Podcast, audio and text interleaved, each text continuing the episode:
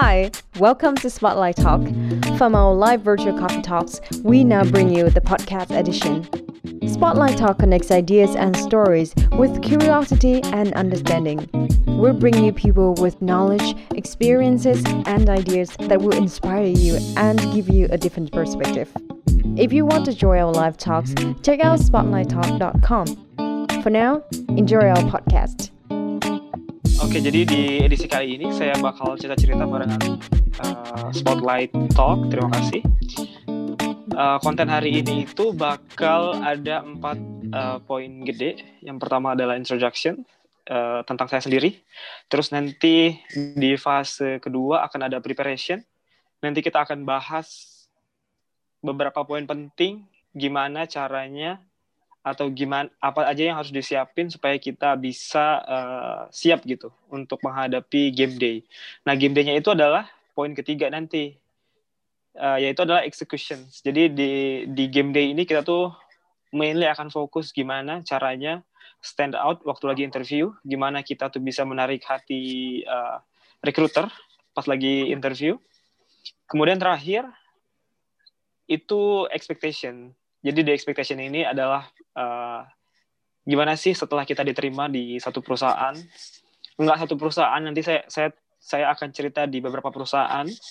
Gimana cara onboarding yang uh, bisa bikin kita tuh diterima di tim dan jadi tim member yang reliable. Atau bahkan nanti kita bisa dipromo jadi tim leader atau jadi senior atau bahkan uh, ya yang lebih tinggi lagi. Tapi saya belum sampai ke manager Terus yang terakhir nanti saya akan cerita uh, gimana caranya kita bisa jadi uh, gimana kita menjalani hari-hari day to day life as a software engineer. Kira-kira okay. gitu. Um, uh -huh. um, saya nggak bisa lihat slide-nya.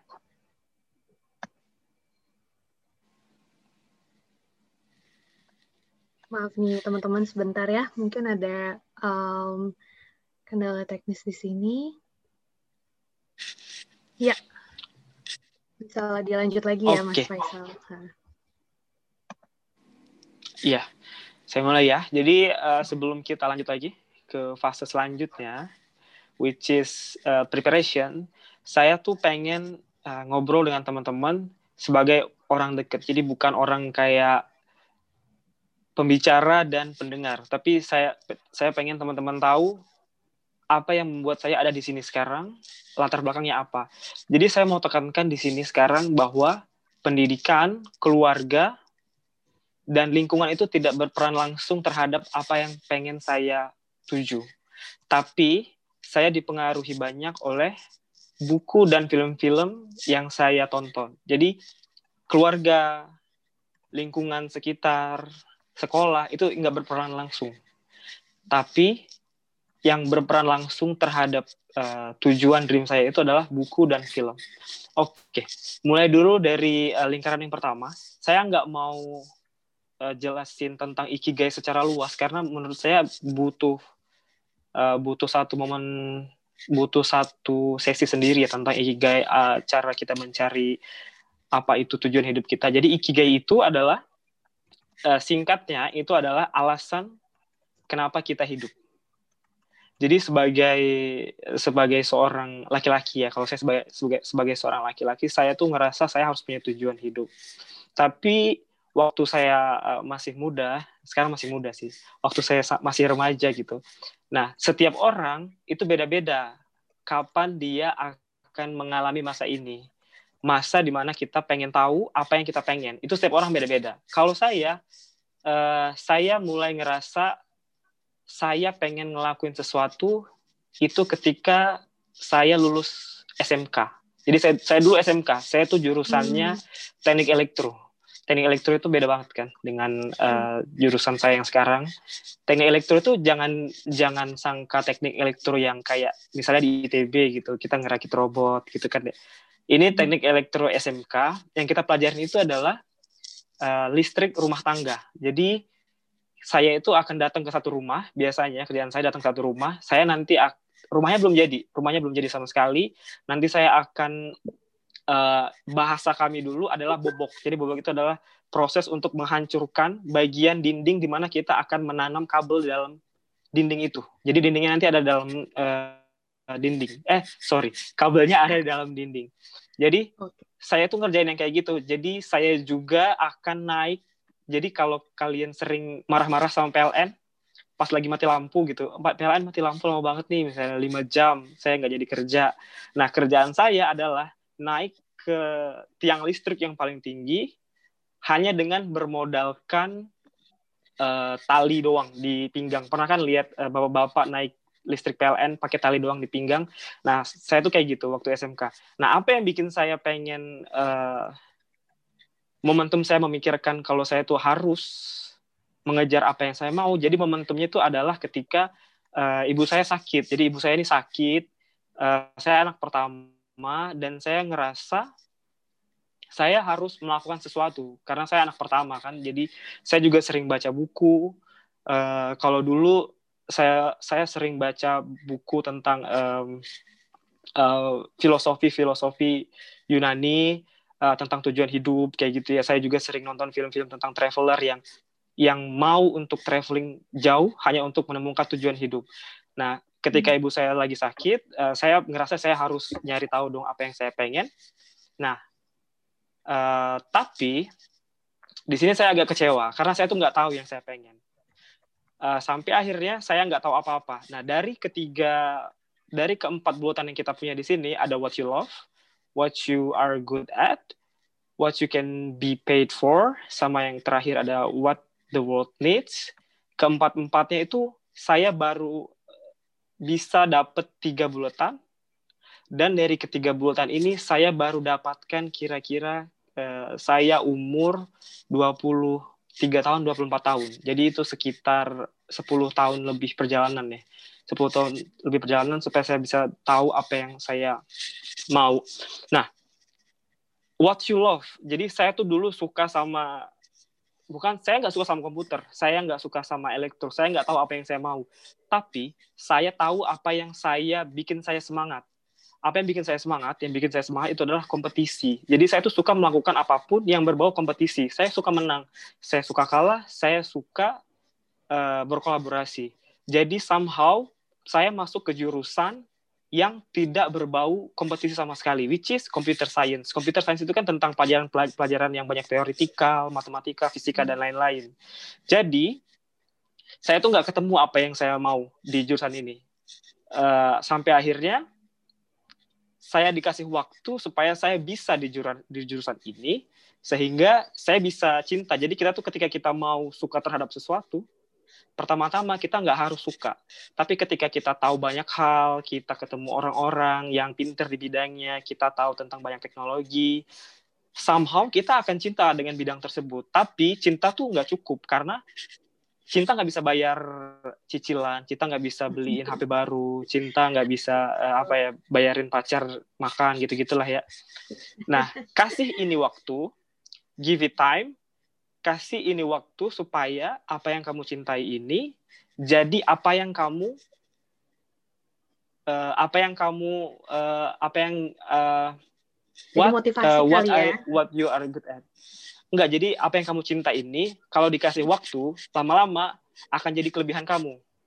Jadi misal okay. ada orang suka foto, kalau lama-lama dikerjain terus, lama-lama kan dia akan punya skill foto yang bagus, yang bagus gitu ya, karena dia suka, dia akan terus-terusan. Dan akhirnya ketika dia bagus, ketika dia punya keahlian itu, dia akan dibayar untuk keahlian itu karena dia hebat. Nah, itu yang saya dapatkan selama uh, kira-kira 10 tahun. Tapi sampai sekarang saya masih belum tahu what the world needs saat ini. Jadi saya sedang uh, in a long run untuk nyari tahu apa yang the world needs. Oke, okay, kita bisa next dulu. Ke slide selanjutnya. Oke, okay.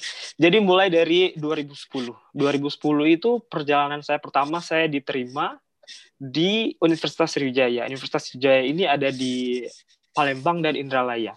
Jadi di sini uh, saya diterima sebagai mahasiswa jurusan Teknik Informatika, Fakultasnya Ilmu Komputer. Di jurusan ini eh, kira-kira saya belajar lima tahun kurang lebih, agak lama, harusnya empat tahun ya, tapi jadi lima tahun. Jadi di jurusan ini saya banyak riset, saya ketemu orang-orang hebat yang somehow awalnya saya nggak suka jurusan ini, saya jadi suka. Nah sedikit cerita nih, waktu saya semester 1 dan semester 2 di jurusan ini, saya itu sama sekali nggak tahu jurusan ini. Saya ngerasa saya kecemplung di jurusan ini. Pasti teman-teman pernah juga kayak gitu ya. Mbak Nadia mungkin pernah juga kayak gitu. Atau enggak? Hmm. Atau saya doang ya. Jadi di jurusan ini tuh saya itu nggak usah kecemplung. Jadi dua semester saya gagal di satu mata kuliah utama. Kalau anak computer science, mata kuliah utamanya itu pemrograman dasar, basic computer science. Jadi uh, basic programming, sorry.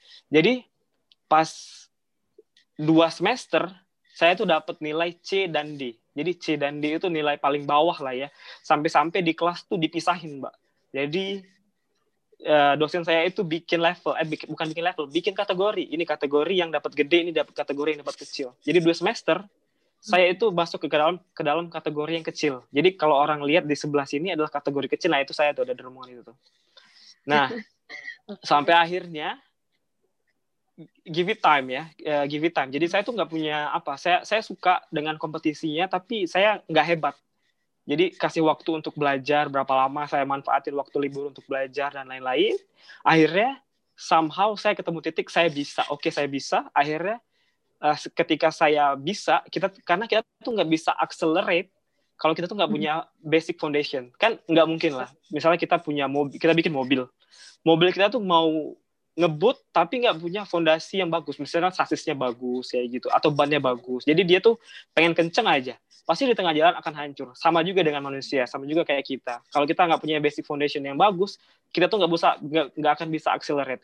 Nah dan di di momen saya ternyata saya tuh harus accelerate tinggi nih. Uh, ketika saya tahu fondasi saya udah bagus saya bisa accelerate cepet jadi saya masuk ke uh, saya ikut organisasi saya ikut um, um, saya ikut uh, klub riset saya juga dapat kesempatan untuk student exchange ke luar negeri ngerasain uh, exposure global gitu ya. Sampai akhirnya saya lulus di 2015 jadi sebelum lulus saya punya pengalaman ini saya punya beberapa project saya pernah student exchange saya juga ada banyak kegiatan di luar kampus ya uh, berkaitan dengan pemrograman. Jadi what you love sekarang udah jadi what you are good at. Jadi aku udah ngerasa aku agak sedikit baik nih, agak sedikit bisa lah, belum ngerasa hebat. Eh sorry, di 2015 Mungkin saya ngerasa menutupi hmm. kekurangannya dengan uh, kegiatan sibuk dengan kegiatan-kegiatan lain yang mungkin supporting basic uh, knowledge-nya sendiri ya Mas ya. Jadi uh, walaupun mungkin ada kekurangan di kelas, tapi uh, di cover dengan kegiatan-kegiatan lainnya seperti ikut um, apa namanya klub yeah, uh, dan lain-lainnya juga club. ya. Hmm. Oke. Okay. Tapi lebih tepatnya saya juga akhirnya saya juga akhirnya di kelas juga bisa akhirnya. Tapi ya itu saya okay. emang uh, awalnya awalnya saya agak nggak bisa keep up, tapi ujungnya saya bisa kayak gitu. Oke, okay. akhirnya 2015 saya lulus. Saya lulus di 2015 itu saya ngerasa saya udah paling hebat lah. Saya kerja di uh, salah satu startup. Saya kerja di salah satu startup, saya ngerasa saya hebat banget lah. Pokoknya saya udah kayak ya udahlah kalian nggak terlalu hebat kayak gitu ya. Terus saya di sini jadi AI engineer. Saya jadi AI engineer. Terus saya juga setelah jadi AI engineer, saya pindah ke corporate. Jadi dari startup ke corporate 2016, 2016 2018 dari corporate saya ke startup lagi. Nah, 2018 ke 2020 saya jadi uh, saya tetap di uh, maksudnya saya tetap di perusahaan yang fokus jadi uh, di di culture-nya yang jadi di culture startup kayak gitu. Ya kira-kira ada perjalanan saya 2010 sampai 2020, 10 tahun lah kira-kira. Oke. Okay.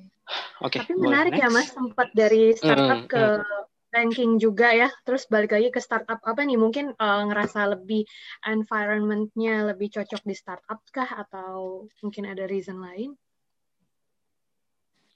Iya, jadi saya ngerasa uh, yang ikigai tadi, saya ngerasa hmm.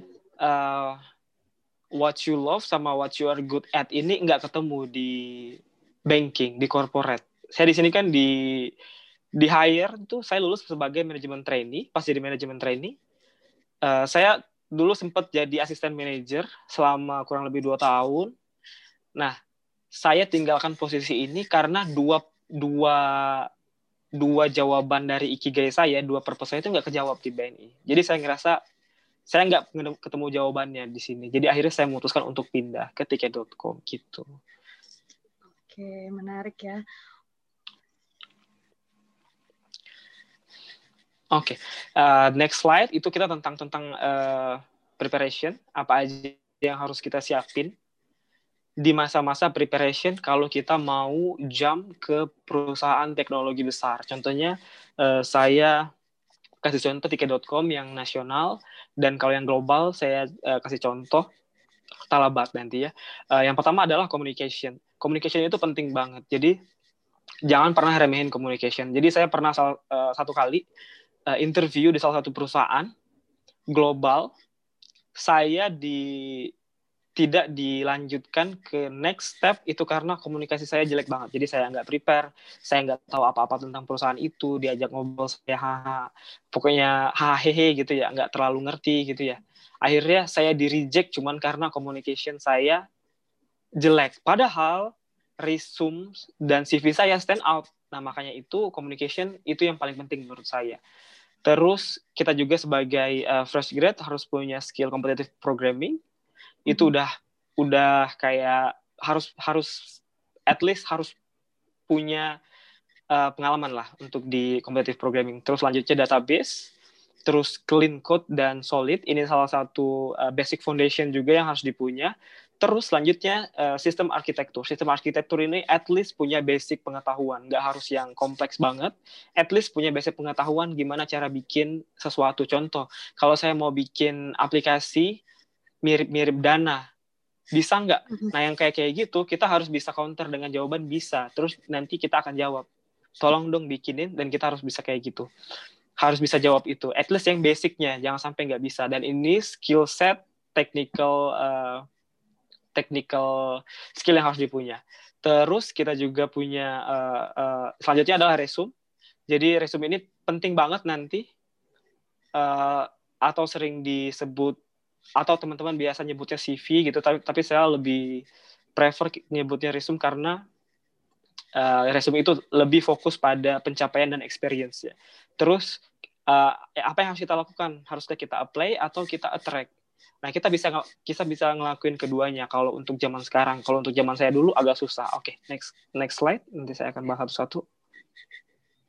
Oke, okay. uh, jadi kita tuh harus uh, preparation ya. Yang pertama itu kita harus prepare dengan kompetitif uh, kita harus prepare untuk kompetitif programming yang kedua kita tuh harus practice analytical analytical thinking terus kita juga harus jadi orang yang bagus pas lagi problem solving dan ini bukan proses yang sekali dua kali selesai. Selamanya harus tetap dijalanin nggak boleh berhenti atau biasa disebut dengan growth mindset. Jadi setiap hari kita harus tetap belajar jangan jangan stop dengan pemikiran yang sekarang gitu ya. Nah di sebelahnya ada gambar. Gambar ini tuh adalah gambar salah satu uh, kalender saya dulu zaman dulu ini Januari 2020 jadi Januari Januari 2020 ini adalah momen saya interview technical di Talabat. Jadi sebelum interview, saya latihan dulu sama teman saya. Jadi saya akan minta tolong sama teman saya sebagai interviewnya. Saya adalah kandidatnya. Jadi kita akan interview via Zoom atau Google Meet kayak gitu. Nanti mereka akan bantu. Jadi dari sisi interviewer, mereka akan bantu tanya-tanya. Dari sisi saya, saya bisa ngelatih uh, jawaban, saya juga bisa ngelatih analytical thinking. Jadi kita harus banyak-banyak praktis dan waktu mau praktis ini kita harus ajak teman, jangan sendiri.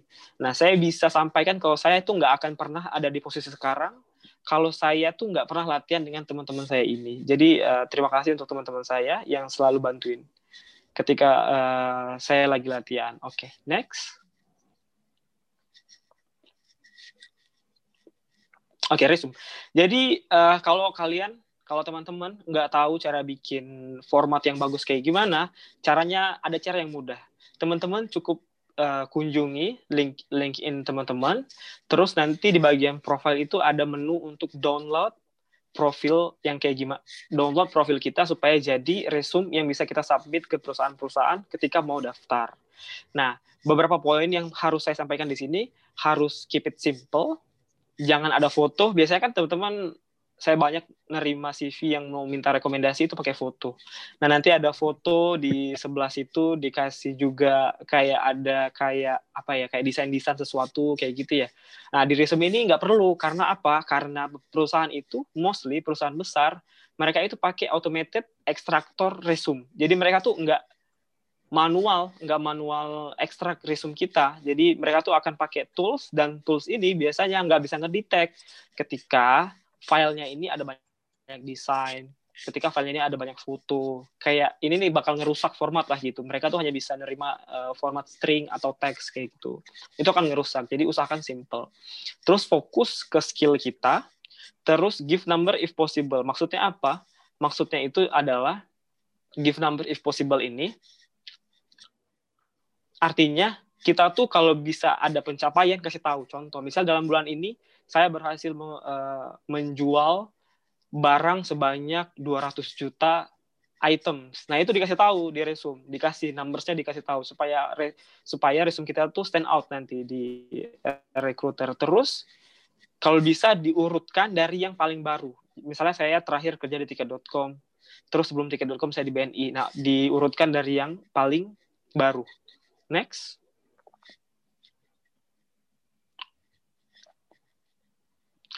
Oke, okay. uh, selanjutnya adalah map awareness. Apa map awareness? Maksud saya map awareness itu adalah kita tuh harus keep up to date dengan dunia teknologi atau dunia yang kita sedang jalani. Nah, kita tuh kadang-kadang pengen daftar ya, misalnya jadi uh, sales gitu. Waktu kita mau jadi sales, kita tuh nggak tahu up to date tentang dunia sales yang sekarang. Sales tuh sekarang banyaknya pakai item apa, misalnya pakai mereka pakai media TikTok, misalnya kita nggak tahu terus misalnya mereka pakai tools khusus untuk uh, menghitung penjualan, kita nggak tahu. Nah hal-hal kayak gini itu bikin kita akan jadi pilihan kedua dari recruiter. Jadi kita tuh harus gunakan skill kita. Kita tuh kan anak milenial yang digelari sebagai anak-anak yang lahir di era modern digital ya jadi hal kita harus memanfaatkan itu kita harus tunjukkan kalau kita memang lebih daripada yang lain dengan memanfaatkan teknologi kalau saya saya itu akan follow akun-akun di Twitter yang berhubungan dengan teknologi karena saya anak teknologi saya harus keep up to date dengan teknologi saya juga bisa keep up to date dengan tren terbaru, misal drama Korea yang terbaru apa gitu kan. Terakhir kan kemarin pada ngomong-ngomongin tentang subway, terus ternyata subway yang nggak jadi dibuka di Jakarta, ya, kayak gitu kan. Bener. Walaupun saya lagi nggak di Jakarta, Iya, kayak gitu kan. Saya beneran nggak tahu apa itu Subway, tapi kayak oke, okay, oh Subway ini lagi tren nih gitu. Saya cari tahu, oh ternyata Subway ini salah satu makanan gitu dari Korea karena lagi lagi hype banget ya. Jadi saya nggak ketinggalan dan itu tuh penting. Kita tuh harus tetap harus tetap up to date kalau mau keep up dengan dunia uh, yang kita sedang jalanin kayak gitu. Mungkin sampai sini ada yang mau tanya dulu, ada ada pertanyaan atau kita lanjut? Ya, ini kebetulan ada beberapa pertanyaan sih, Mas Faisal. Tadi dari ada hmm. dari Tommy ya, uh, mengenai komunikasi. Tadi kan uh, mungkin Mas Faisal sendiri udah sharing kalau komunikasi uh, komunikasinya dulu sempat buruk ya. Nah ini uh, gimana buruk caranya banget. memperbaiki komunikasi yang buruk gitu? Apa sih turning point-nya gitu dan untuk motivate untuk create better communication tuh gimana gitu? Oke, okay uh, sebenarnya turning point-nya saat itu adalah ketika saya uh, saya tuh pengen orang lain lebih maju daripada saya. Itu turning point-nya. Saya tuh punya uh, kayak apa ya keinginan untuk ngelihat orang harus lebih baik dari saya. Itu kayak emang dari dalam hati kayak gitu ya. Nah tapi hal-hal kayak gini itu kalau kita simpen pribadi karena saya ini datangnya dari keluarga yang bukan dari keluarga maksudnya dari lingkungan yang jauh dari teknologi. Kan saya, saya tuh awal dari kampung tuh. Eh, saya kota saya rumah saya itu sekitar enam jam lagi dari Palembang naik kereta. Palembang itu kan kayak ya udah di Palembang gitu enam jam lagi naik kereta. Itu jauh banget kan dari kota. Dan ekspos teknologi itu dikit banget di daerah itu. Nah saya sebagai orang yang punya ekspos tinggi ke teknologi pengen orang lain itu lebih baik.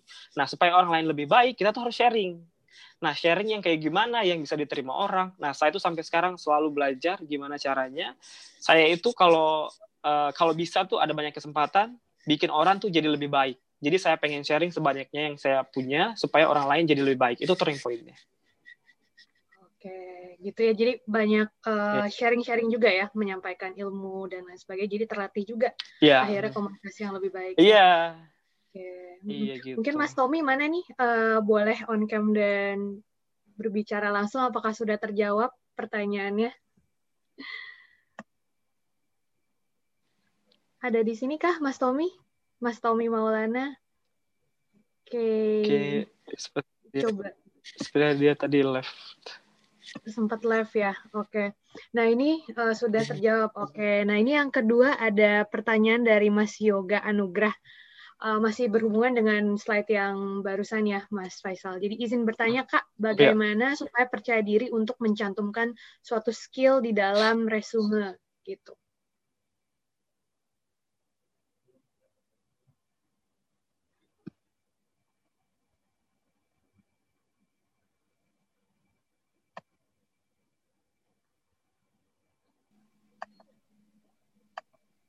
Halo, sorry saya agak sempat terputus.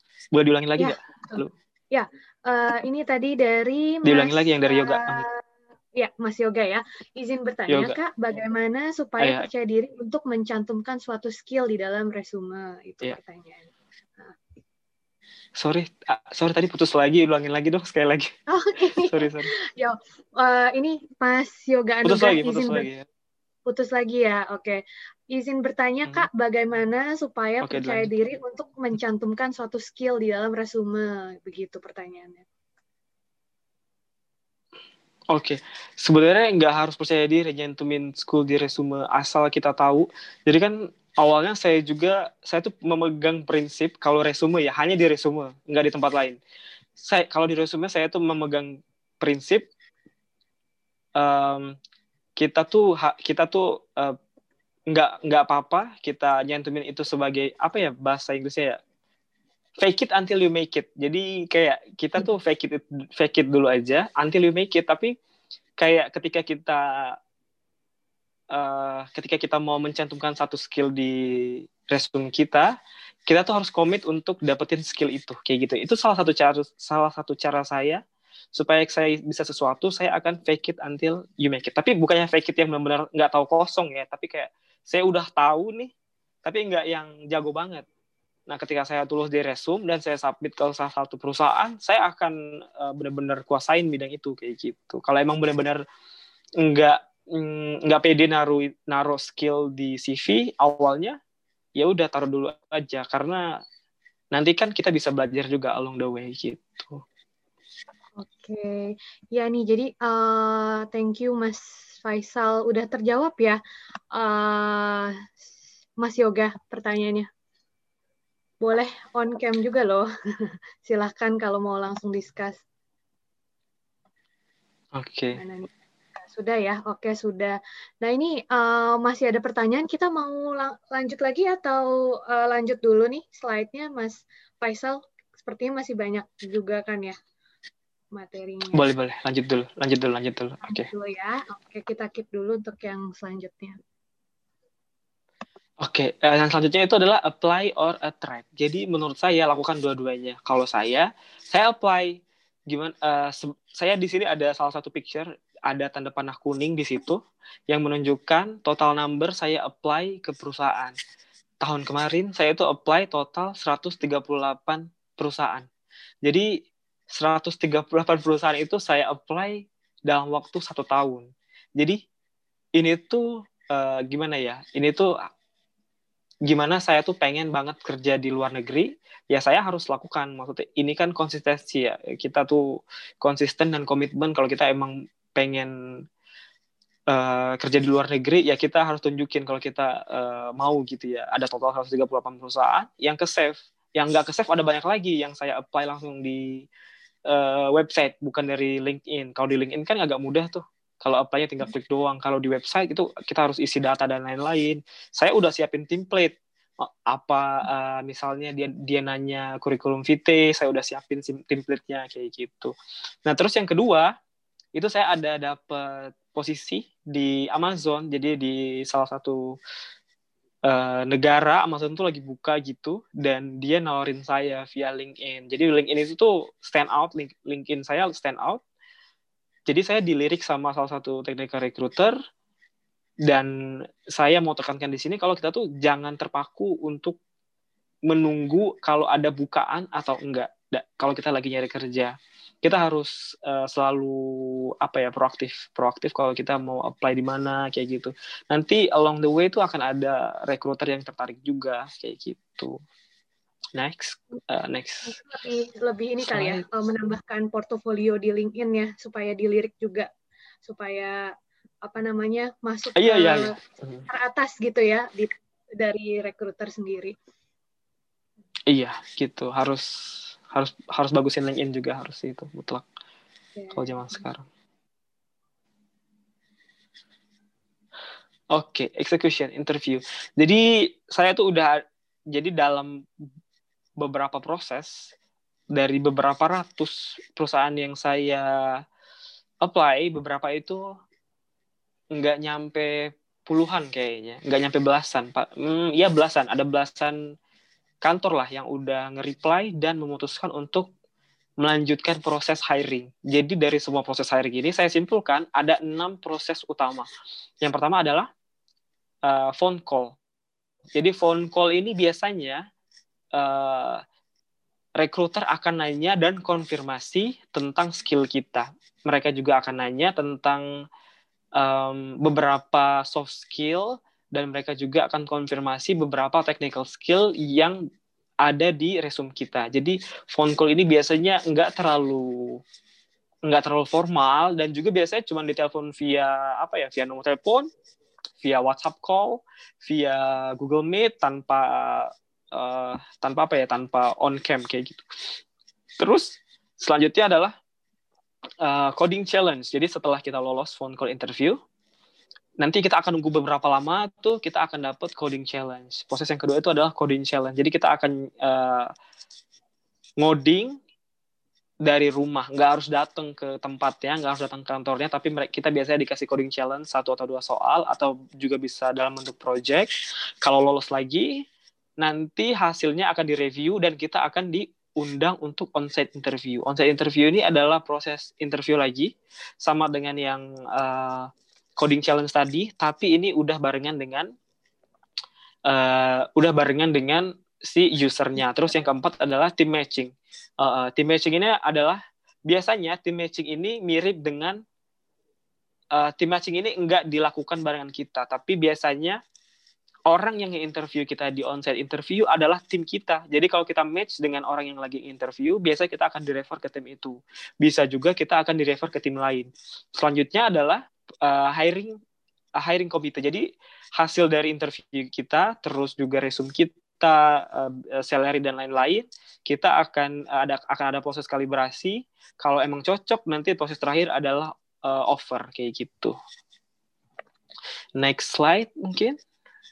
Mungkin kalau yang phone coding uh, challenge tadi, kalau untuk most of hmm. position itu biasanya disebut dengan case study kali ya. Case study, case study benar-benar. Assessment hmm. gitu ya. Oke. Okay. Dikasih assessment betul.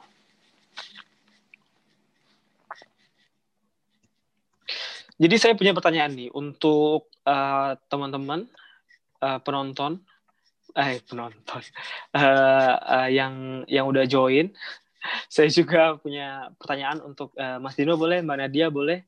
Jadi boleh. ini tuh salah satu salah satu pertanyaan yang akan ditanya ketika kita lagi dapet uh, interview misalnya. Contoh, saya lagi dapat interview di Amazon, terus saya ditanya nih sama uh, timnya, uh, how much it cost to build an app similar to Amazon.com? Kira-kira jawaban Mbak Nadia apa?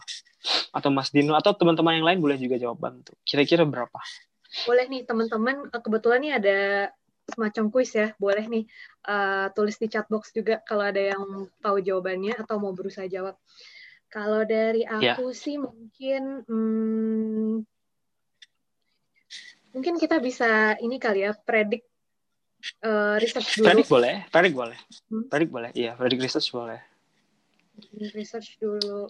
Uh, kira-kira kayak pakai dia pakai apa nih um, apa aja sih tools-toolsnya gitu kan ya betul betul uh. nah ini ada pertanyaan juga nih dari Mas Lutfi ada beberapa yang build coba dan operate build dan operate nah, ini aku aku coba lempar dulu aja kali ya ke spotlighters biar yeah. yang ini hmm. nih kalau dari Mas Lutfi build saja atau build plus operate tuh Mas uh, anggaplah build saja nggak usah build, build dan operate. Ya. Oke, terus ya. uh, dari Mas Ahmad Ali Abdillah juga, until membuat aplikasi semacam Amazon.com, kita perlu beberapa komponen. Oh, mau berusaha jawab nih. Mungkin boleh Mas uh, Ahmad uh, langsung on cam aja dan di-mention aja langsung kali ya, karena kalau di chatbox akan panjang. Boleh. Silakan menjawab secara langsung, Mas Ahmad. Oke. Okay, uh, boleh Mas Ahmad. Oke. Okay kalau pertanyaan seperti ini sepertinya kita lebih approach harus analisa ya mas ya karena betul uh, boleh mas di turn on dulu kameranya biar kita bisa okay. lihat juga oke okay, thank you oke okay. so uh, kayak gini kayak harus approachnya seperti analytical uh, jadi kayak komponen-komponen apa aja yang harus mm-hmm. dibuat kayak uh, front end back end uh, terus uh, server terutama itu komponen yang lainnya Nah, untuk membuild sendiri uh, dari ketiga komponen tersebut, uh, kita harus analisa dulu uh, fitur-fitur yang mau masuk apa. Kayak misalnya di front end paling enggak untuk CRUD dari produk, user, dan payment.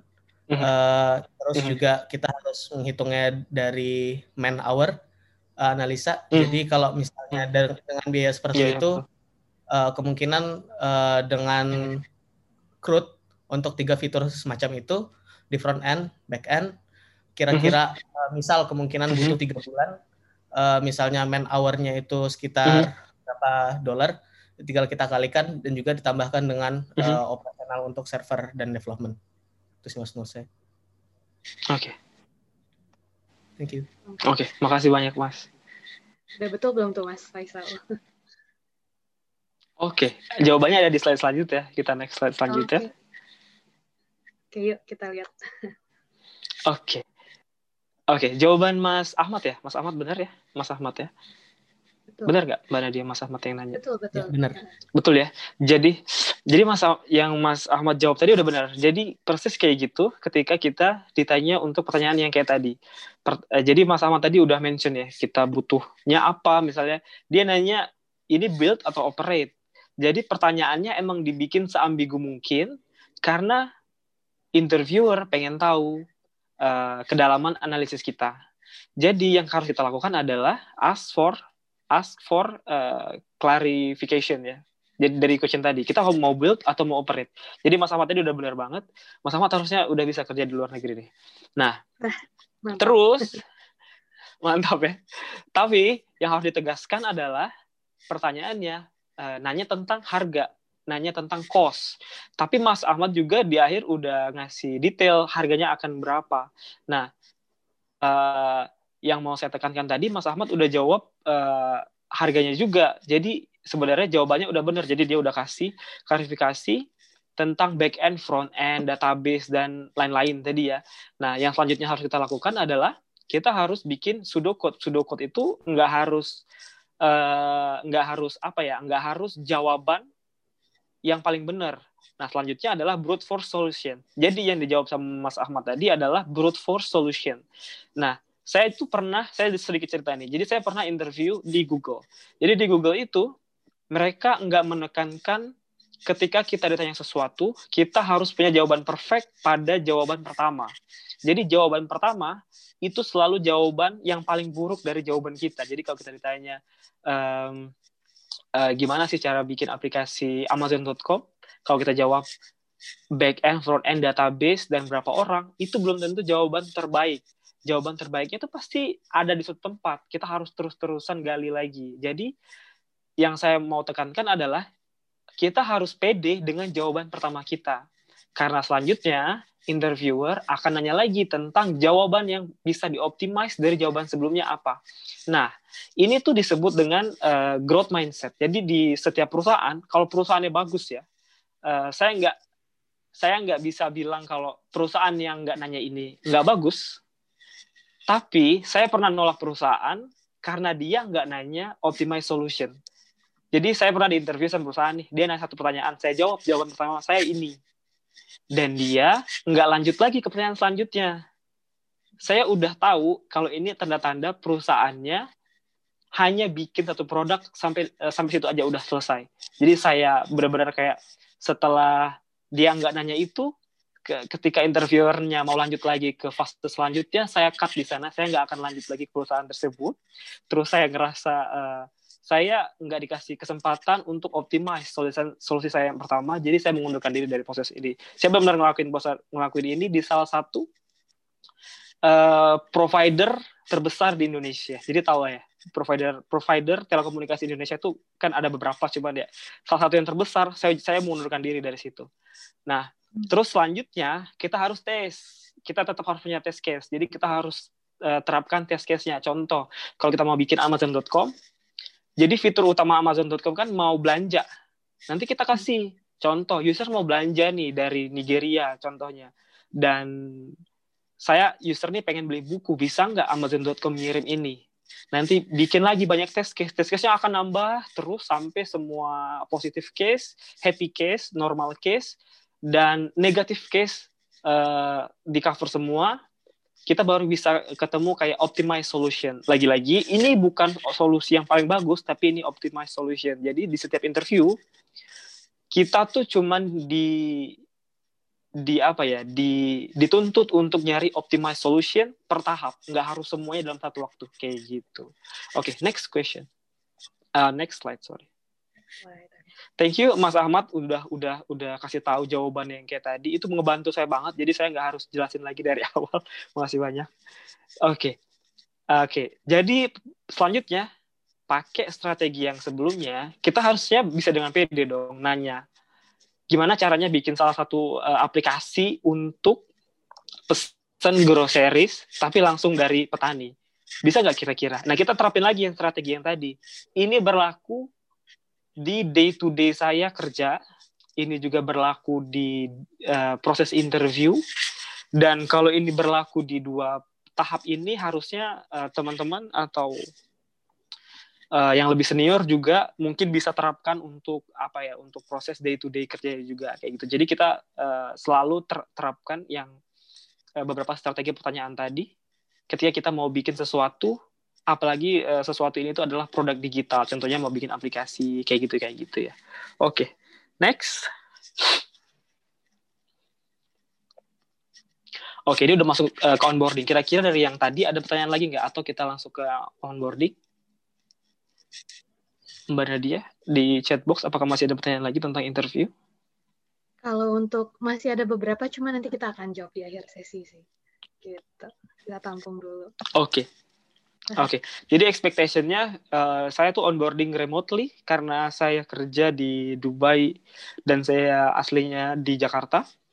Jadi semua proses itu remote, onboardingnya remote, kenalannya remote, uh, mulai dapat tugas pertama remote, finish tugas pertama remote, uh, day to day juga remote, bangun pagi jam nggak pagi, saya kerjanya jam satu siang karena teman saya di kantor itu mulai kerja jam 11 siang tiga jam dari Dubai di Indonesia berarti jam satu siang.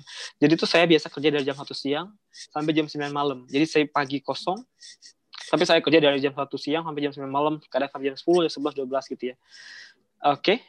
Um, semuanya remote. Saya kira saya remote itu kira-kira 9 bulan. Selanjutnya expectation onboarding company uh, values. Dan uh, company values ini salah satu hal yang saya pengen tekankan di perusahaan saya sekarang yang nggak saya temui di beberapa perusahaan saya yang sebelumnya. Uh, saya temui di beberapa perusahaan saya sebelumnya, tapi kayak nggak dipegang oleh semua orang kayak gitu. Yang pertama adalah experience first, yang kedua adalah make it happen, yang ke yang ketiga adalah together we grow. Jadi kita harus terapkan ini di day to day kegiatan sehari-hari. Gimana cara menjaga konsistensi supaya kita punya value ini? Jadi di perusahaan saya menerapkan ini. Setiap dua minggu, manager dan karya dan bawahan timnya dari manajer itu dalam satu squad harus saling ngasih feedback dan ini benar-benar diterapin kita tuh setiap dua minggu akan saling ngomong kamu kira-kira dari value ini tuh udah ngelakuin apa kalau nggak ada harus di di apa ya bahasanya ya di di di, di didukung dan dan di pokoknya harus terus didukung supaya ngelakuin ini. Jadi kita tuh ketika kita mau kerja, kita tuh apakah experience ada value experience first atau enggak. Jadi kalau kita mau kerja itu kita tuh mikirin customer enggak sih? Kalau enggak harus harus dipikirkan lagi ketika kerja kalau kita enggak ngelakuin itu. Dan kalau kita nggak ngelakuin itu, semua orang akan ngasih feedback ke kita. Karena kita ada feedback per dua minggu. Jadi konsisten nih, setiap orang akan ngelakuin hal yang sama. Dan itu dilakuin dari top to bottom. Jadi eh, top top to bottom bener. Dari top to bottom. Jadi uh, setiap minggu kita punya town hall. Di setiap town hall uh, atasan kita yang paling atas which is CTO atau direktur atau presiden dia ngingetin kalian ngejalanin ini enggak kalian ngejalanin ini enggak kayak gitu. Dia akan ngingetin manajer dia akan ngingetin VP gitu. Jadi emang benar-benar kalau dijalanin dari atas ke bawahnya ikut semua kayak gitu. Kalau saya kayak gitu. Terus make it happen. Make it happen tuh kayak oke okay, uh, eh, kita tuh kalau punya ide dan di, udah divalidasi dan udah bagus kayak kayak Mas Ahmad tadi cepet-cepet direalisasikan. Nggak usah mikir solusi yang paling perfect. Pokoknya yang, yang bisa cepet apa yang bisa langsung bermanfaat ke customer apa. Terus yang terakhir adalah together we grow. Together we grow ini maksudnya kita tuh uh, punya grow mindset tapi nggak sendiri harus bareng-bareng. Jadi kita tuh kalau mau pinter pinter bareng-bareng. Uh, jadi salah satu contohnya adalah kita memberikan um, uh, kayak sejenis sharing session ya, sharing session dari setiap orang. Dan ini tuh dilakukan per minggu juga di setiap squad ngelakuin sendiri-sendiri, nggak harus satu company kayak gitu. Jadi ketika ada masalah juga kita saling membantu. Dulu pernah ada satu ada salah satu engineer punya masalah nih. Jadi dia ngetes di production langsung. Jadi misalnya Mbak tiba-tiba buka aplikasi ada notifikasi, saya lagi ngetes nih di aplikasi ini kayak gitu. Jadi itu nampil di aplikasi semua orang di seluruh dunia yang pakai aplikasi itu kayak gitu. Jadi ketika si engineer melakukan kesalahan, kita enggak uh, nyalahin si engineer itu, kita malah jadiin kesalahan ini sebagai uh, campaign marketing. Sama-sama, jadi ya? contohnya nam hmm. Iya, jadi jadi kesalahan ini contohnya namanya adalah Faisal. Jadi tadi Faisal ngelakuin kesalahan nih, mungkin dia lapar. Kamu mau kamu jangan sampai ngelakuin kesalahan juga ya, makanya pesan makan aja sama kita kayak gitu. Jadi kayak dijadiin marketing kayak gitu. Jadi kayak hmm. jadi viral gitu, kayak kreatif banget sih tim ininya. Ya menarik banget kan. Harus uh, kayak gitu kira-kira yang Together We Grow. Next. Kayaknya ini last slide ya. Kok ada lagi? Last slides ya. Yang terakhir kayaknya ada tentang buku rekomendasi doang deh. Jadi uh, sebelum ya lanjut lagi aja ya. Lanjut dulu aja, Mas Faisal. Oke, okay, uh, expectation working experience ya. Jadi yang paling utama menurut saya adalah jadilah orang yang baik, be a kind person. Itu yang paling penting. Terus kita juga harus proaktif. Kalau ada apa-apa harus duluan yang ngomong. Jangan sungkan, jangan ragu. Even kita adalah new joiners atau orang baru, kita harus langsung duluan gitu. Misal ada masalah langsung cepet gitu, jangan takut. Terus juga kita harus uh, mau terus belajar. Uh, jangan lupa terus-terusan untuk perbaikin komunikasi. Juga kalau ada masalah uh, cepet-cepet uh, selesaikan. Terus kita juga harus punya empati. Kalau lagi libur jangan chat orang. Misalnya kalau lagi libur jangan nanya kerjaan atau kalau emang orang kesusahan dibantu kayak gitu. Dan akhirnya kita akan uh, kita juga harus kerjasama dengan semua orang kayak gitu. Oke ternyata itu maksud itu expectation dari perusahaan saya yang sekarang. Oke, ini ini beberapa buku yang membantu saya banget uh, untuk menjalani hari-hari di perusahaan yang sekarang dan ngebantu saya juga waktu proses interview kemarin. Yang pertama ada Monolith Microservice, ini organisasi eh organ uh, ini tuh organisasi structural change. Jadi cara nge, nge, ngeubah organisasi yang besar, yang gede, contoh korporat di Indonesia yang udah lama stay, misalnya uh, adalah ya perusahaan gede gitu ya. Gimana cara ngubah jadi uh, perusahaan yang agile? Ini buku ini cukup membantu. Terus diceritain di buku kedua, The Phoenix Project, itu adalah cerita gimana uh, lebih ke novel. Buku kedua ini adalah novel gimana perusahaan korporat lama yang gede, yang susah untuk agile, berubah jadi agile. Jadi novel buku kedua adalah novelnya, buku ke satu adalah teoretikalnya jadi ini nyambung nih dua buku ini. Buku ketiga dan buku keempat yang hijau sama warna biru gelap itu adalah buku yang ngebantu saya ketika saya mau interview kayak gitu. Oke, berarti ini boleh jadi panduan ya buku ketiga dan keempat untuk teman-teman yang mungkin mau interview di luar sana ya. Buku ketiga dan keempat ya, betul. Uh, dan juga tadi kan sempat ada di slide expectation onboarding. Uh, ini kan uh, Mas Faisal sempat experiencing from far away ya, uh, remotely-nya di awal-awal. Ini yeah, iya, ada pasti ada kesulitan-kesulitan dong pada saat tektokan, apalagi awal-awal timnya semua di sana. Nah, apa aja sih Mas mungkin bisa share nggak? Uh, mungkin salah satu contoh kisah yang dialami gitu kesulitan terbesarnya apa uh, challenge-nya dan juga how to overcome gitu gimana akhirnya Mas Faisal bisa adapt dan catch up with the team yang memang jauh di sana gitu. Oke, okay. uh, eh, yang paling utama sebagai new joiners kita tuh akan banyak tanya, pasti kita akan banyak tanya. Itu yang paling susah. Uh, misalnya saya tuh mau uh, ngebikin sesuatu, terus sesuatu ini nih butuh banyak apa ya, butuh banyak dependensi ke tempat lain. Misal kita butuh nanya ke divisi lain supaya ini bisa diakses kayak gitu kayak gitu. Kita tuh akan banyak nanya. Nah banyak nanya ini nih akan muncul rasa rasa sungkan dari diri kita buat nanya, apalagi yang ditanya lama balas. Nah ini dalam kehidupan sehari-hari, on-site onboarding ini udah ketahuan lah ya gimana susahnya Uh, tapi kalau kita lagi remote onboarding, double susahnya. Jadi kesusahan kita tadi, dan ini remote. Jadi saya tuh pernah satu hari, saya tuh ngerasain ini. Jadi waktu pertama kali saya join, saya nanya tentang sesuatu, saya nanya lagi, saya nanya lagi, saya nanya lagi, karena saya nggak paham, saya nggak dibales. Besoknya, saya nggak kerja sama sekali, karena belum dibales lagi.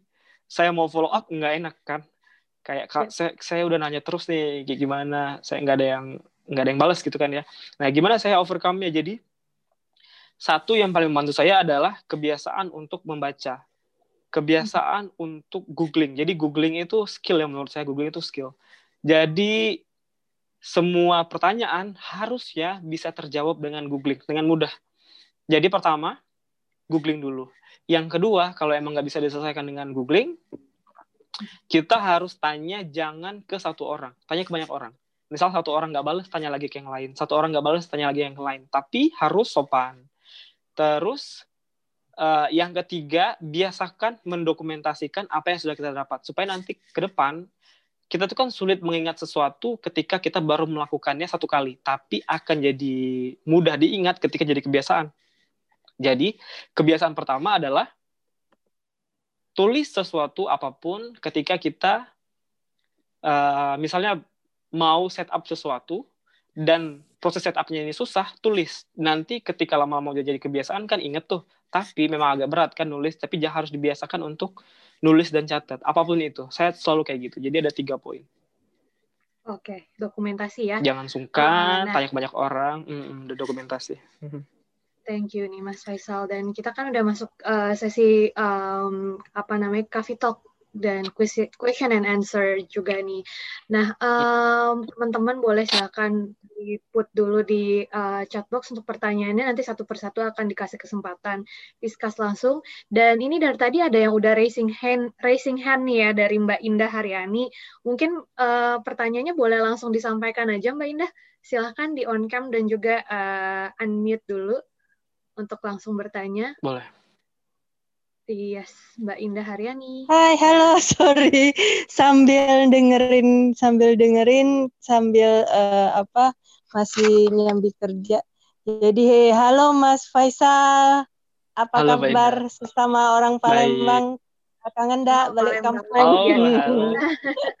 halo, Kalau enam jam dari ini berarti di ini yeah. di Lubuk Linggau ya. Kalau saya di di daerah Raju Palembangnya. Oh, di Batu Raja, Mbak Indah. Oh, Batu Raja. Oke, uh, uh. kapan nih balik kampung lagi bisa bareng kayaknya. uh, Boleh Mbak Indah. Uh, Oke. Okay. Uh, Mbak Indah, maaf, saya boleh saya, di on cam dulu nggak uh, ya? on cam, uh, Mbak. Kebetulan ini uh, seharian meeting terus uh, apa uh, lagi nggak keruan banget deh gitu mohon maaf oh, mohon maaf jadi okay. dan dan dan lagi tadi udah selesai udah selesai meetingnya dan udah udah mode on udah ya gitulah pokoknya. Jadi nggak enak aja intinya ya. kalau dilihat kamera ya maafkan lah. Oke, okay, uh, ya, ya. jadi tadi tuh saya mau nanya apa juga agak agak lumayan lupa cuman satu Mas uh, apa oke okay banget nih teman-teman juga uh, ininya temanya. Kira-kira hmm. kalau untuk adik-adik yang sekarang kan ya gitu, uh, mindsetnya tuh kudu, kudu gimana sih gitu kan? Kalau Mas Faisal itu tadi saya lihat dari dari company nasional to internasional gitu sekarang. Nah, terus itu yeah. motivasinya kayak apa? Uh, kalau preparingnya tadi kan udah dijelasin, tapi yang kemudian uh, mungkin uh, bisa dijelaskan lagi adalah mindsetnya itu kayak apa gitu sehingga kemudian Mas Faisal tuh bisa di tempat sekarang gitu. Uh, terus satu lagi kebetulan adik saya itu kayaknya adik angkatannya Mas Faisal dan jurusannya sama gitu. Oh, iya. iya, oh, mudah-mudahan iya. nanti bisa belajar banyak dari Mas Faisal ya. Tadi sih udah saya bilang boleh, untuk boleh, join boleh. gitu. Iya. Nah, uh, mungkin okay, itu boleh. dulu aja bisa di-share Mas uh, okay. apa kira-kira mindsetnya apa gitu dan motivasinya Mas Faisal tuh uh, sekarang kan sekarang tuh ada di mana Mas Faisal? Di Jakarta atau di Dubai? Sekarang di Dubai. Dubai. Sekarang. Oh, ada di Dubai. Oh, oke, okay. udah semakin menjauh ya dari sesama kampungnya kita ini. oke, okay, iya, itu bener. dulu aja. Nanti mungkin bisa dilanjutkan lagi diskusinya. Mbak Terima Indah kasih Mbak dan Mas. Iya. Gimana, Mbak? Mbak? Mbak Indah sendiri mungkin sekarang bekerja di mana? Apakah engineer juga? Oh, uh, saya kebetulan di pemerintahan, uh, pemerintahan dan dan kita memang lagi concernnya di data digital gitu dan dan ini saya juga lagi mengumpulkan teman-teman adik-adik gitu untuk belajar bareng soal data digital gitu.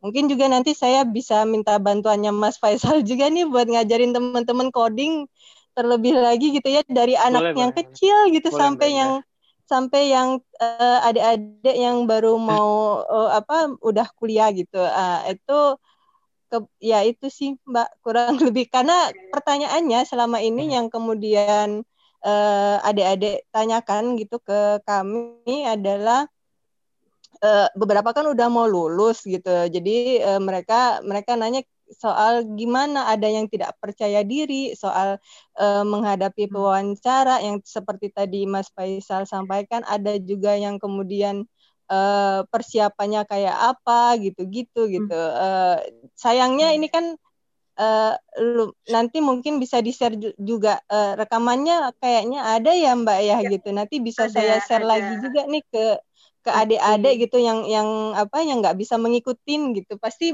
sangat bermanfaat banget sih ini gitu.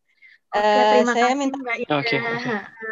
Sama-sama uh, untuk Ya, ya. Ini uh, apa nanti rekamannya pasti akan di-share juga untuk semuanya akan ya. available ya. dan juga mungkin Mas Faisal aku rangkum tadi pertanyaannya ya takut lupa dari Mbak Indah. Uh, iya maaf bacakan ya. iya uh, gak apa-apa. Ini jadi gimana sih caranya ya mungkin ngeset mindset nih supaya uh, teman-teman yang juga backgroundnya sama seperti Mas Faisal bisa di posisi yang sama saat ini ya bisa bekerja go internasional pun ya. gitu.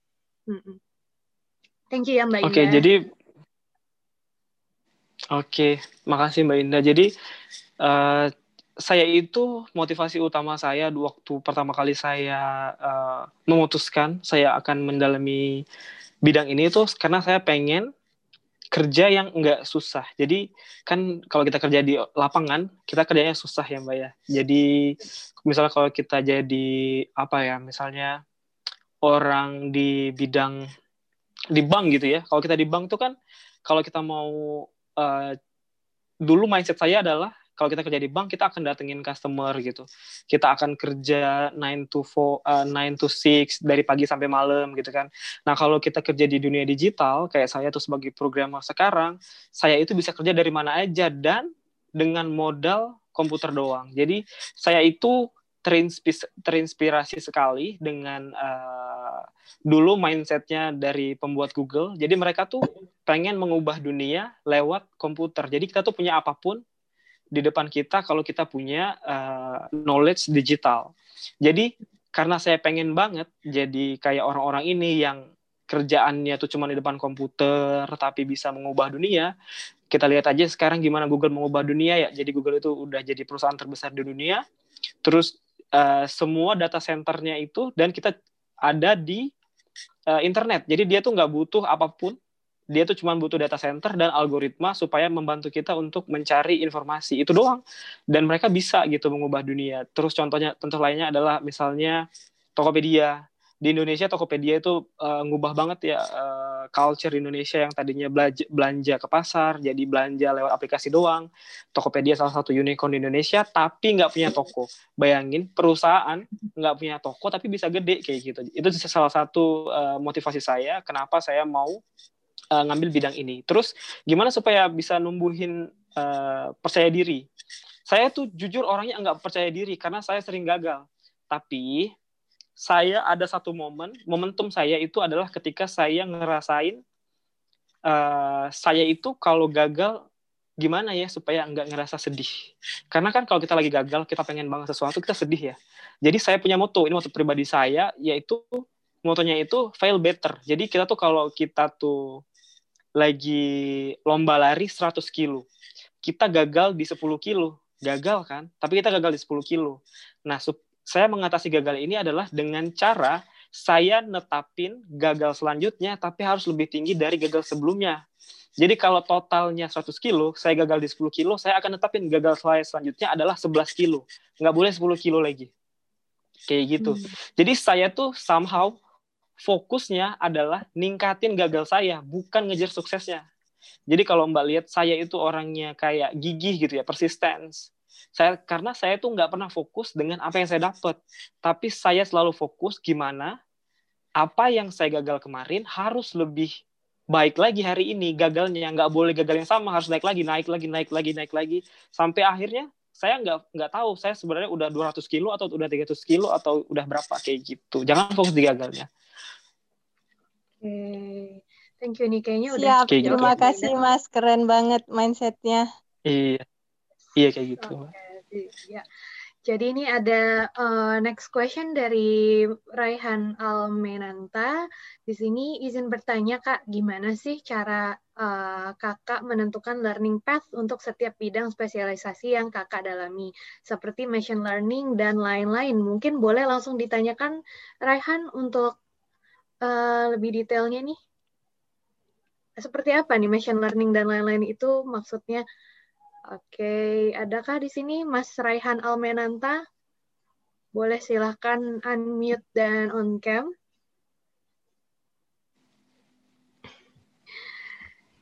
Ini masih di sini kah? Mungkin kita bisa coba dulu ya ke pertanyaan, atau mungkin Mas Faisal mau coba jawab dulu nih. Tadi pertanyaannya gimana cara menentukan learning path untuk setiap bidang spesialisasi yang kakak dalami tadi gitu. Mungkin dijawab dulu kali ya, nanti siapa tahu Mas Rehannya Oke, okay, boleh boleh. Jawab dulu aja ya. Hmm, boleh. Oke. Okay. Jadi pertanyaannya itu lebih ke gimana kita benar gak? Halo? Ya, halo. Ya, sudah jelas. Halo? Ya, halo. Jadi pertanyaannya itu lebih ke nentuin learning path dari uh, spesialisasi yang sedang dijalanin benar kak? Betul betul. Oke, okay. jadi nggak ada, jadi nggak ada learning path khusus karena di bidang kita di dunia digital, digital itu kita tuh ada banyak uh, mentor dan ada banyak learning path yang bisa kita ambil. Terus gimana cara menyiasatinya? Jadi saran saya adalah jadilah generalis yang tahu banyak hal, dan jangan terjebak di tutorial loophole. Jadi kita tuh sering ya tahu banyak hal, terus ketika kita mau bikin sesuatu kita uh, ngikutin tutorial, terus tutorial ini bikin kita nggak bis, bikin kita tutorial ini ngelimit diri kita untuk berekspresi membuat hal yang benar-benar kita pengen. Jadi saran saya jadilah generalis, ajarin aja semua sampai kamu ketemu spesialisasi kamu. Terus nentuin learning learning path-nya gimana, tentuin apa yang pengen kamu bikin. Jadi contohnya saya, saya itu pengen banget bikin aplikasi contohnya ya. Saya bikin pengen banget bikin aplikasi e-commerce. Tapi saya nggak nggak tahu saya mau jadi back end, saya mau jadi front end, saya mau jadi machine learning, saya nggak tahu. Jadi tahu semuanya, pelajarin aja semuanya, nggak harus jago banget, tapi tahu. Nanti sepanjang jalan kamu akan tahu nanti saya ini pengen bikin back end yang bagus banget, bisa ngehandle jutaan ribuan request gitu atau saya pengen jadi front end. Front end ini saya mau bikin UI yang bagus banget untuk e-commerce. Atau saya mau nentuin rekomendasi makanan apa yang paling cocok untuk seseorang di website e-commerce ini kayak gitu.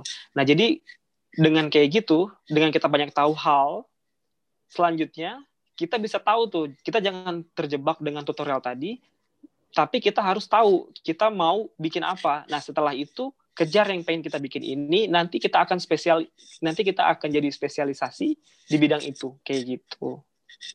Oke keren sih ini. Coba mas Rehannya ya. gimana? Sudah terjawab belum nih mas Rehan ada yang mau ditambahkan? Masih belum muncul juga ya. Mungkin uh, semoga ya. udah terjawab nih udah cukup jelas semoga udah terjawab Nah, yeah. dan selanjutnya nih ada juga dari uh, Mas Ahmad Farisi. Jadi pertanyaannya oh. saya bacakan dulu. Uh, Mas Faisal, perkenalkan saya Faris, usia 13 tahun. Oh, maksudnya 31 tahun. Jadi yang mana nih yang benar? Oke, okay, 31 tahun ya. Menurut Mas Faisal, ya. apakah mungkin saya dengan umur above 30 ini masih punya peluang untuk apply ke company di luar? Oke, okay, ini good question sih ini. Coba mungkin Mas Ahmad Farisinya bisa boleh langsung uh, on cam dan unmute nih untuk discuss langsung dengan Mas Faisal mengenai pertanyaannya. Mana, oh, pertanyaannya Mas? berat nih. Ya. Gimana nih Mas Ahmad Farisi? Apakah di sini Mas Ahmad Farisi? Belum muncul juga ya? Oke, mungkin mungkin dijawab aja ya, karena saya iya. takut ya sama pertanyaannya. Ini susah sih pertanyaannya. Karena ini bergantung banget sama setiap orang. Kayaknya pace orang beda-beda ya. Tapi hmm. saya di di Twitter salah satu engineer gitu, dia itu baru belajar ngoding di usia 40 tahun dan dia baru dapat kerja sebagai software engineer di usia 42 tahun. Sebelumnya dia ngapain? Sebelumnya kalau nggak salah dia tuh karirnya sebagai orang non orang orang non IT kayak logistik kayak gitu. Jadi benar-benar nggak megang itu, tapi dia punya pengen punya kesampaian jadi software engineer dan dia kerja di luar negeri. Kenapa? Karena kalau nggak salah di daerah dia hmm. itu kayaknya untuk posisi itu agak susah. Jadi dia harus nyari. Jadi menurut saya kalau untuk uh, Mas Ahmad Farisi, Kak Ahmad, uh, Kak Faris, jadi menurut saya agak beda nih. Harusnya uh, tergantung perusahaannya. Kalau ada yang nerima tanpa melihat umur, Terus kalau skillnya cocok harusnya nggak masalah. Tapi possible. Karena ada yang kayak gitu, iya. Oke, jadi masih ada harapan nih ya yang untuk above 30 pun juga. Gitu. Harusnya harapan selalu ada.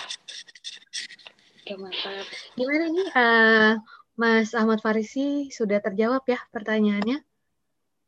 Oke.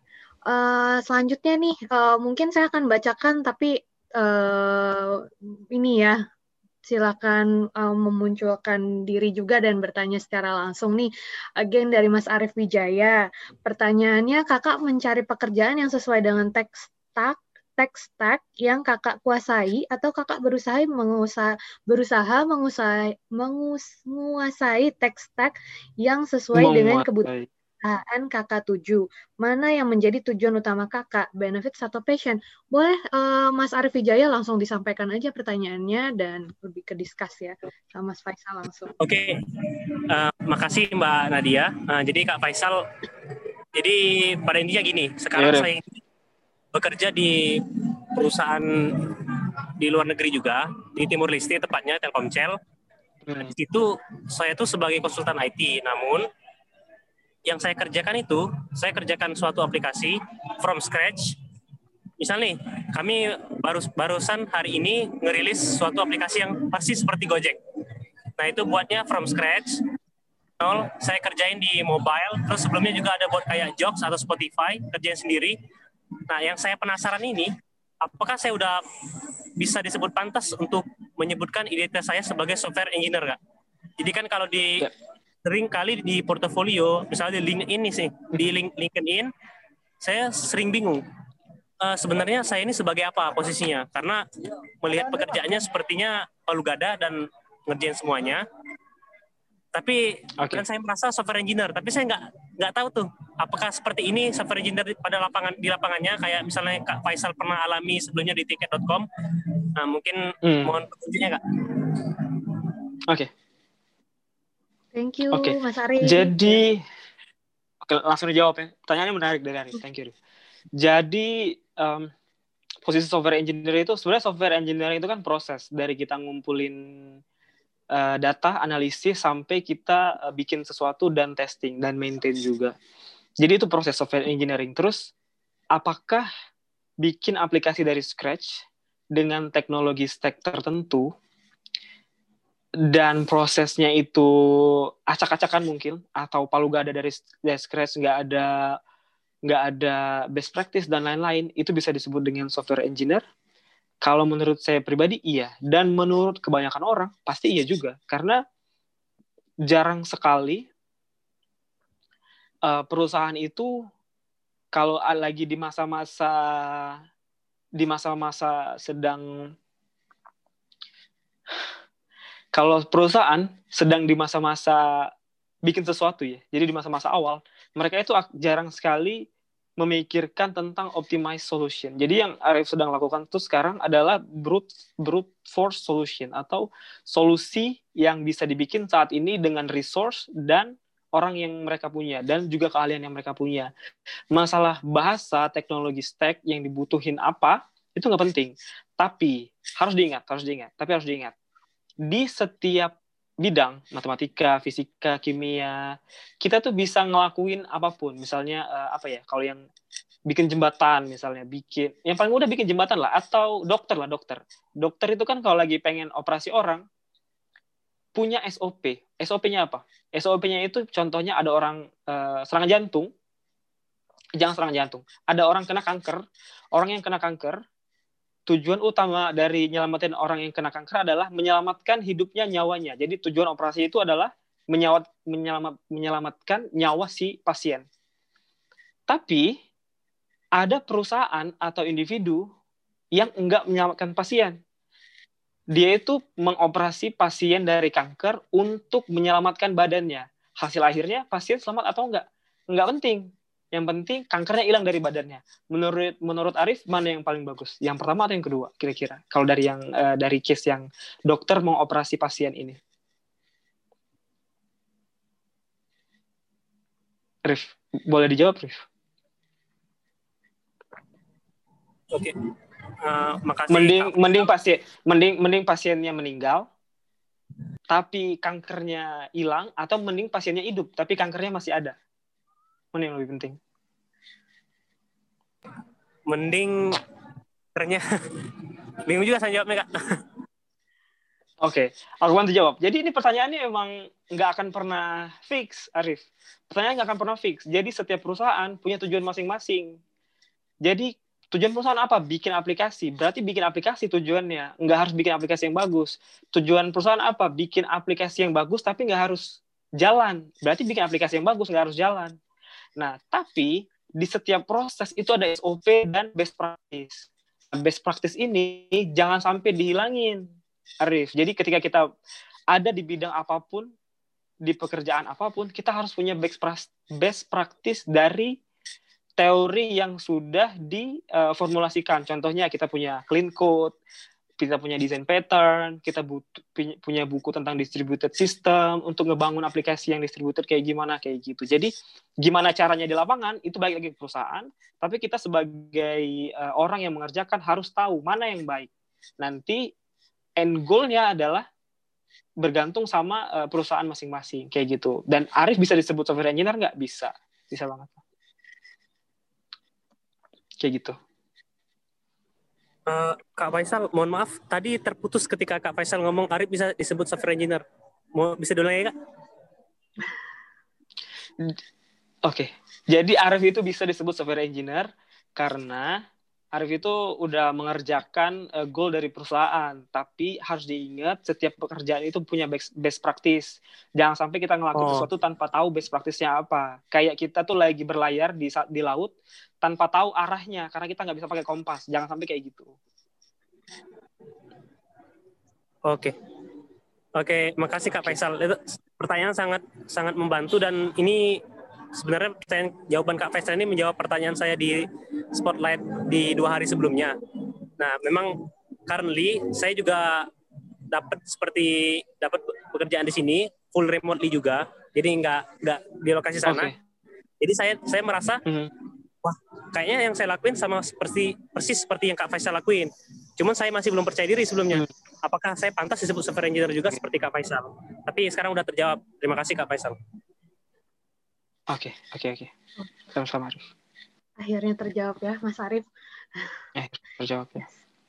Oke, ada lagi kah pertanyaan? Mungkin mau sapa dulu nih aku Palembang Digital karena tadi udah dari tadi sudah ini ya memperkenalkan diri di awal. Tapi Palembang hadir. Mungkin boleh uh, Palembang Digital ada yang mau disampaikan atau ada yang mau ditanyakan nih mumpung ada Mas Faisal juga di sini. Masih adakah di sini Palembang Digital? Kayaknya udah live tadi udah live tadi. Udah live juga ya, oke. Mungkin uh, ini kan kita sudah di akhir acara. Kalau ada yang masih mau bertanya silahkan langsung ke chat box uh, dan juga mungkin nanti bisa langsung juga ke Mas Faisal untuk reach langsung ke Mas Faisal. Dari Mas Faisal sendiri mungkin ada yang mau disampaikan untuk sebagai penutup untuk teman-teman. Saya, saya nanya lagi boleh nggak Mbak? Oh, boleh Mbak Indah, silahkan. Saya kan dari tadi uh, Mas Faisalnya bercerita soal awal mulanya gimana sampai uh, situasinya yang sekarang. Nah, uh, kira-kira jadi rencananya Mas Faisal ke depannya itu gimana? Itu kayaknya belum diceritain gimana gitu. Ataukah uh, yang sekarang akan menetap sampai berapa tahun atau kemudian ternyata uh, apa sekarang udah punya rencana mau pindah ke Eropa atau ke Amerika yang ada gitu atau atau gimana gitu uh, uh, yang kemudian bisa di apa di dipahami teman-teman juga kalau misalnya uh, uh, apa rencana rencananya tuh kayak apa gitu terus perkembangan karirnya itu kayak apa gitu. Mungkin uh, Mas Faisal bisa uh, apa uh, share-share lagi lebih sedikit lagi uh, soal gimana rencana-rencananya. Oke, saya jawab langsung ya, Mbak ya. Uh, jadi saya ke depannya itu punya rencana maksimal lima tahun sampai 10 tahun di luar negeri entah itu di Mina sekarang atau di Eropa. Nanti entah itu kerja atau belajar lagi atau uh, daftar master atau PhD kayak gitu. Uh, yang jelas rencananya ada tapi end goal perjalanan perjalanan saya nanti saya itu um, mau ada di Indonesia terus saya mau terlibat di banyak kegiatan strategis karena saya punya concern gede di pendidikan dan hmm, saya punya concern gede di pendidikan, ekonomi dan kesehatan. Jadi saya pengen uh, kayak sebagai anak muda Indonesia nanti pengen bikin sistem karena sistem itu dibangun untuk memudahkan kita kan, menghilangkan birokrasi, membuat proses jadi transparan, nggak ada korupsi. Jadi ada banyak banget yang bisa kita buat, yang kita bisa kasih untuk Indonesia dengan uh, semua uh, ilmu yang kita punya, someday saya akan pasti akan pulang lagi untuk berkontribusi di tiga bidang ini: ekonomi, uh, pendidikan, dan kesehatan. Kayak gitu. Kalau gitu saya tunggu Mas kepulangannya ya. Nanti kita kontak-kontakan ya Mas kalau iya, gitu ya. Sama-sama Mbak Indah. Boleh Mbak Indah, nanti lanjut habis dari sini. Oke, terima kasih loh Mbak Indah atas pertanyaannya dan juga uh, mungkin ya kita bisa langsung kalau karena udah waktunya juga mungkin Mas Faisal um, boleh nih menyampaikan apa pesan di akhir untuk teman-teman spotlighters. Gitu. Waduh. Oke, okay, teman-teman spotlighters, oh, spotlighters ya namanya ya. Iya betul. Buat teman-teman spotlighters. Ya, menurut saya uh, Spotlighters itu acara yang apa ya komunitas atau uh, komunitas kali sebutannya spotlight spotlighters itu komunitas kali ya komunitas uh, yang punya misi bagus banget yang punya misi untuk uh, menyetarakan ya. Kalau saya ngelihatnya menyetarakan uh, pengetahuan supaya kita tuh bisa bersaing secara global kayak gitu. Saya berharap ya jadi makin ramai dan makin diskusinya makin aktif saya ngelihatnya uh, spotlighters ini spotlight talk ini beda dengan kegiatan lain karena kita tuh kayak aktif diskusi ya daripada yang lain. Dan terus ini tuh free dan online jadi nggak ada batas waktu dan ruang. Uh, saya berharap selanjutnya tetap dilanjutin lagi. Uh, jangan jangan jangan stop aja kayak gitu. Hmm, Oke, terima kasih. Dan juga untuk eh, teman-teman yang lain nih, uh, untuk teman-teman Spotlighters, jangan lupa nanti selesai sesi ini akan ada form yang akan kalian mesti isi, dan di situ nanti kalian akan mendapatkan sertifikat dari Spotlight Talk karena telah mengikuti kegiatan sesi ini, dan juga uh, nanti untuk uh, jika mau langsung kontak Mas Faisal bisa nih ke LinkedIn-nya Mas Faisal dan juga Twitter dan Instagram-nya yang ada di layar berikut ya at Morensha untuk Twitter dan sama untuk Instagram. Dan untuk LinkedIn-nya Faisal Morensha dan uh, nanti kalian juga bisa melihat rekaman dari webinar ini di uh, di YouTube-nya Spotlight Talk Uh, kita ada website di spotlighttalk.com dan juga ada Twitter, uh, Instagram, uh, juga spot, at Spotlight Talk dan link ini juga Spotlight Talk dan YouTube di Spotlight Talk. Juga kita ada podcast sekarang di uh, di Spotify dan juga di Apple Podcast yaitu Spotlight Talk. Jadi kalian gak usah khawatir bisa dengerin via uh, podcast ataupun via YouTube untuk uh, melihat uh, video webinarnya ini dan juga uh, coffee talk session dari Spotlight Talk malam malam ini. Uh, dan juga nih ada pesan ya dari uh, Palembang Digital nih. Bisa langsung visit palembangdigital.org buat yang mau bergabung ya. Nah, uh, juga untuk uh, selanjutnya mungkin kita akan bisa bertemu lagi di next session. Mungkin untuk sesi selanjutnya akan diinfo juga di Instagramnya Spotlight Talk. Jangan lupa uh, stay tune. Thank you Mas Faisal sudah uh, mengisi malam ini.